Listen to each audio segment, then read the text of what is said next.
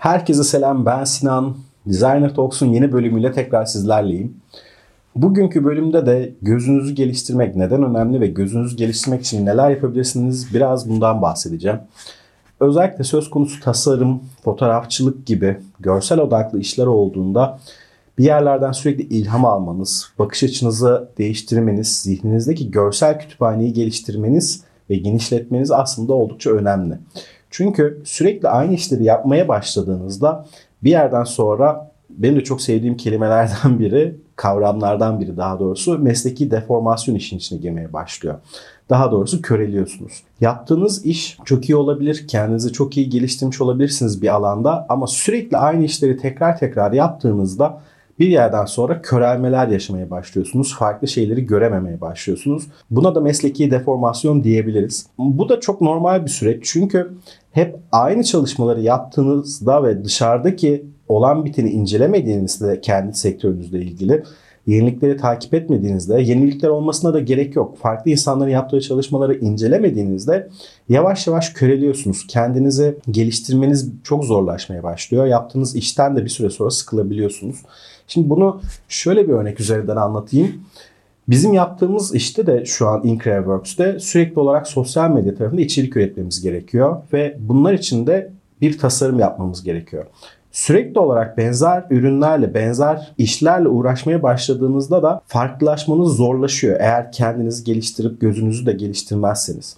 Çünkü ürünler çok fazla değişmediği zaman arkada yaptığınız tasarımları da çok fazla değiştiremiyorsunuz. Farklı bakış açılarını bulmak zorlaşıyor. Sürekli aynı tasarımı yapmaya başladığınızda da bu sefer hem ilgi dağılmaya başlıyor. İnsanların ilgisini çekemiyorsunuz. Kendinizi çok fazla tekrar etmeye başlıyorsunuz. Bu noktada da kendiniz de yaptığınız işten sıkılabiliyorsunuz. Bunun dışına nasıl çıkabiliriz? Burada da çok fazla araştırmacı olmak, farklı içerikleri incelemek, farklı insanların yaptığı tasarımları incelemek devreye giriyor.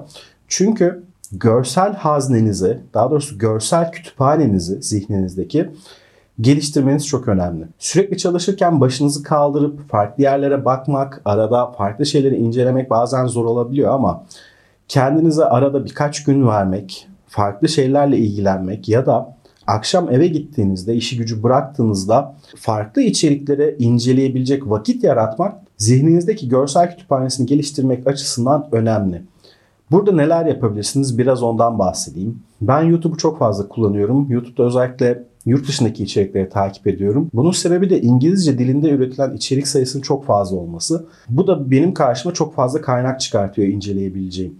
Böyle olduğu için de YouTube'da ben çok fazla tasarımla ilgili kanalları gezmeyi seviyorum. Tasarım haricinde fotoğrafçılıkla ilgili takip ettiğim kanallar var. Onları takip ediyorum. Burada aslında oturup da ya ben bu adamlar ne yapmış diye bunları izlemiyorum çoğu zaman. Sadece o adamların videolarını izlerken bilinçaltımda bunu ben yıllardır kendimi programladım bunu geliştirmeye. Ekranda gördüğüm şeyler benim işime nasıl yarayabilir? Farklı neler yapmışlar? Nasıl renkler kullanmışlar? Nerede hangi elementleri kullanmışlar? İşte nasıl bir lensle fotoğrafı çekmiş? Nasıl ışık kullanmış? Ne yapmış gibi. Arka tarafta aslında zihnim sürekli bunları döndürüyor ve izlediğim ve takip ettiğim içeriklerde sürekli bunu arka tarafta bir yandan analiz ediyorum. Bunu bilinçli ya da bilinçsiz de yapabilirsiniz. Fark etmez. Bilinçsiz yapma işi aslında yıllar boyunca sürekli bu içeriklere kendinizi maruz bırakmanızla gelişen bir süreç. Bir de ben çok fazla iş odaklı düşünen bir insanım. O yüzden de gördüğüm her şeyde kendi işime katabileceğim bazı elementleri, bazı ilhamları arıyorum diyeyim. Hal böyle olunca izlediğim her bir içerik benim takip edebileceğim ya da zihnime kazıyabileceğim bir data oluyor aslında. Burada her zaman iyi içerikleri de takip etmek zorunda değilsiniz. Yapılan kötü işleri de bakın. Bu arada kötü ya da iyi olarak değerlendirmek zorunda da değilsiniz. Bazılarının çalışmalarını beğenirsiniz, bazılarını beğenmezsiniz, bazılarında hatalar bulabilirsiniz. Girip her şeye bakmak, bazen kötü tasarımlara, yani gerçekten kötü tasarımlara da bakmak önemli. Çünkü Orada da neler yapmamanız gerektiğini öğreniyorsunuz. Sadece iyi tasarımlara bakmayın. Bunları karşılaştırmaya başladığınızda aslında beyniniz sürekli arka tarafa bazı verileri işliyor. Nasıl renkler kullanmışlar, neden o rengi seçmişler? Burada tabii ki birazcık sorgulamak da gerekiyor. Sadece bir fotoğraf görüp bir içerik, bir videoya bakıp ha bunu izledim tamam deyip geçmek de doğru değil. Oradaki rengi neden seçtiğini, oradaki atıyorum bir grafik çalışmasını neden öyle yaptığını, o animasyonu nasıl yaptığını, neye göre yaptığını gölgelendirmeleri nasıl yaptığını, nereden ışık aldığını inceleyip sorgulamanız aslında sizin yine gözünüzü geliştirmenizde çok büyük faydası var. Çünkü bir fotoğrafa baktığınızda ya da bir grafik tasarıma baktığınızda bu bir web sitesi de olabilir. Gözünüzdeki o kitaplık diyeyim, zihninizdeki kitaplık ne kadar gelişmişse gördüğünüz tasarımdaki elementleri ayrıştırmanız o kadar kolay oluyor. Özellikle yeni başlıyorsanız bu işe zihninizdeki bu kütüphane henüz dolmamıştır ve bu da çok normal. Hiç kimse dolu bir bilgiyle başlamıyor işe. Hepimiz bir zaman içerisinde bunları öğreniyoruz. Boş olmasının da güzel tarafı şu. istediğiniz bilgiyle doldurabilirsiniz buradaki tasarımları. YouTube'dan açıp kanalları takip edebilirsiniz. Instagram'da her yerde zaten çok güzel içerik üreten, grafik tasarımda yapan, fotoğraf çeken de bir sürü içerik üreticisi var. Onları takip edebilirsiniz. Önemli olan buradaki kütüphanenizi ne kadar çok data biriktirdiğiniz, ne kadar çok veri aldığınız. Bunları arka arkaya koyduğunuzda daha doğrusu bunlardaki, buradaki bilgileri üst üste koyduğunuzda bir şeyi gördüğünüzde, bir içeriği gördüğünüzde onu anlamlandırmanız ve oradan kendi işinize ilham almanız daha kolaylaşıyor. Bunun için sadece YouTube'da oturup bir şeyler izlemeyin ya da Instagram'da sadece birkaç fotoğrafa reale bakmayın. Onun yerine gidip müzeleri de gezebilirsiniz. Sinema filmlerine gidebilirsiniz. Post sokaktaki posterlere bakabilirsiniz. Ben şu an işe gidip gelirken aslında sokaktaki afişlere de bakıyorum sürekli. Binalara hangi markalar reklam giydirmesi yapmış. İşte hangi yerde nasıl bir pano var. Dükkanlardaki afişler nasıl, reklam panoları nasıl, tabelalar nasıl gibi bunları sürekli aslında yolda yürürken sürekli aslında tarıyorum. Orada kullanılan bir renk ya da bir grafik, bir şekil başka bir zaman farklı bir yerde sizin aklınıza gelebiliyor. İşte bu da arkadaki o zihinsel kütüphanenizin ne kadar geniş olduğuyla alakalı. Çünkü buradaki verileri topluyorsunuz ve bilinçsiz olarak bazı şeyleri farkında olmadan tasarımlarınızı kullanmaya başlıyorsunuz bir süre sonra. Bu tabii ki biraz deneyim ve zaman gerektiren bir süreç ama buradaki kütüphane yani zihninizdeki kütüphane çok önemli rol oynuyor. Burada yeterli veriniz yoksa yeni bir şeyler yaratmak için oradan ilham alacağınız bir kaynak da olmuyor. Zaten tasarım tarafında bir yerlerden esinlenmeniz, ilham almanız çok önemli. Çünkü özellikle yeni başlarken sıfırdan bir şey yaratmak çoğu zaman zor oluyor ve bazı kullandığınız elementleri arka arkaya tekrar kullanmaya başlıyorsunuz. İşte yuvarlak değil de hafif elips gibi kullanıyorsunuz. Kare değil dikdörtgen yapıyorsunuz ama hep aynı elementler dönüyor. Bu nedenle de bu kısır döngüden çıkabilmek için biraz dışarı çıkıp odaklanmanız lazım, bakmanız lazım. Ben bir yandan da çok fazla da oyun oynuyorum. Oyunlarla ilgili de son birkaç yıldır baktığım şey aslında oyunun nasıl yapıldığı, oyunun nasıl olduğuyla hiç alakam olmuyor çoğu zaman.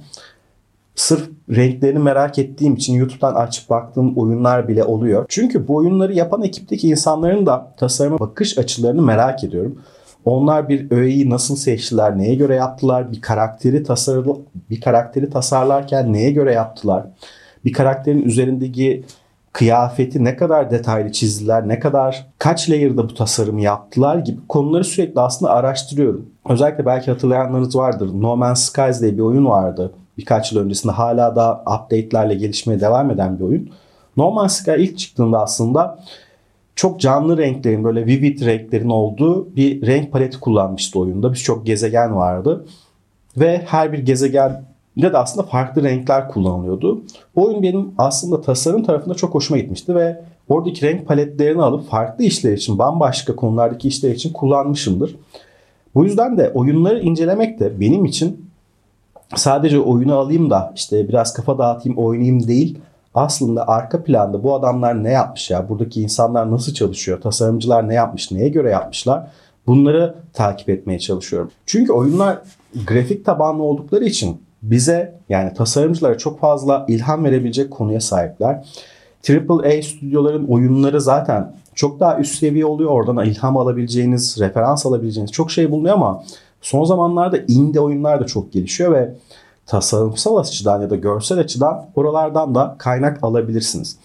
Ve nasıl toplayacak olursak biraz gözünüzü geliştirmek aslında dünyaya nasıl baktığınızla alakalı. Siz eğer yolda yürürken kafanızı yere eğip etrafınıza hiçbir şeye bakmazsanız çevrenizde ilham alabileceğiniz hiçbir şey olmaz.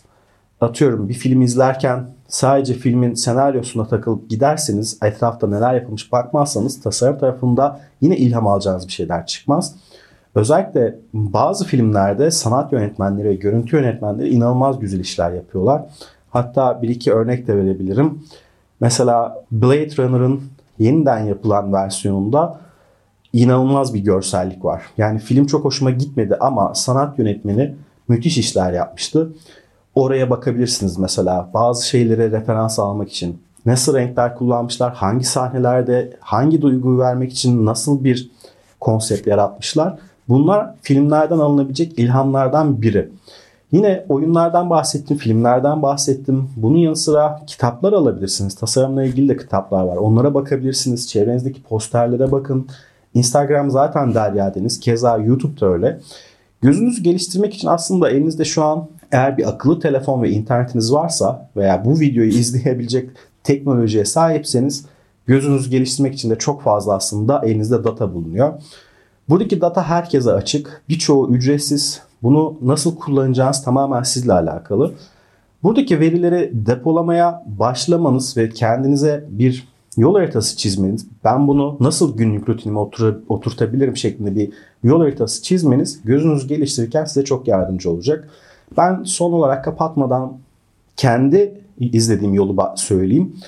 Instagram'da hashtagleri takip ediyor biliyorsunuz mesela. Instagram'da ben çok fazla hashtag takip ediyorum.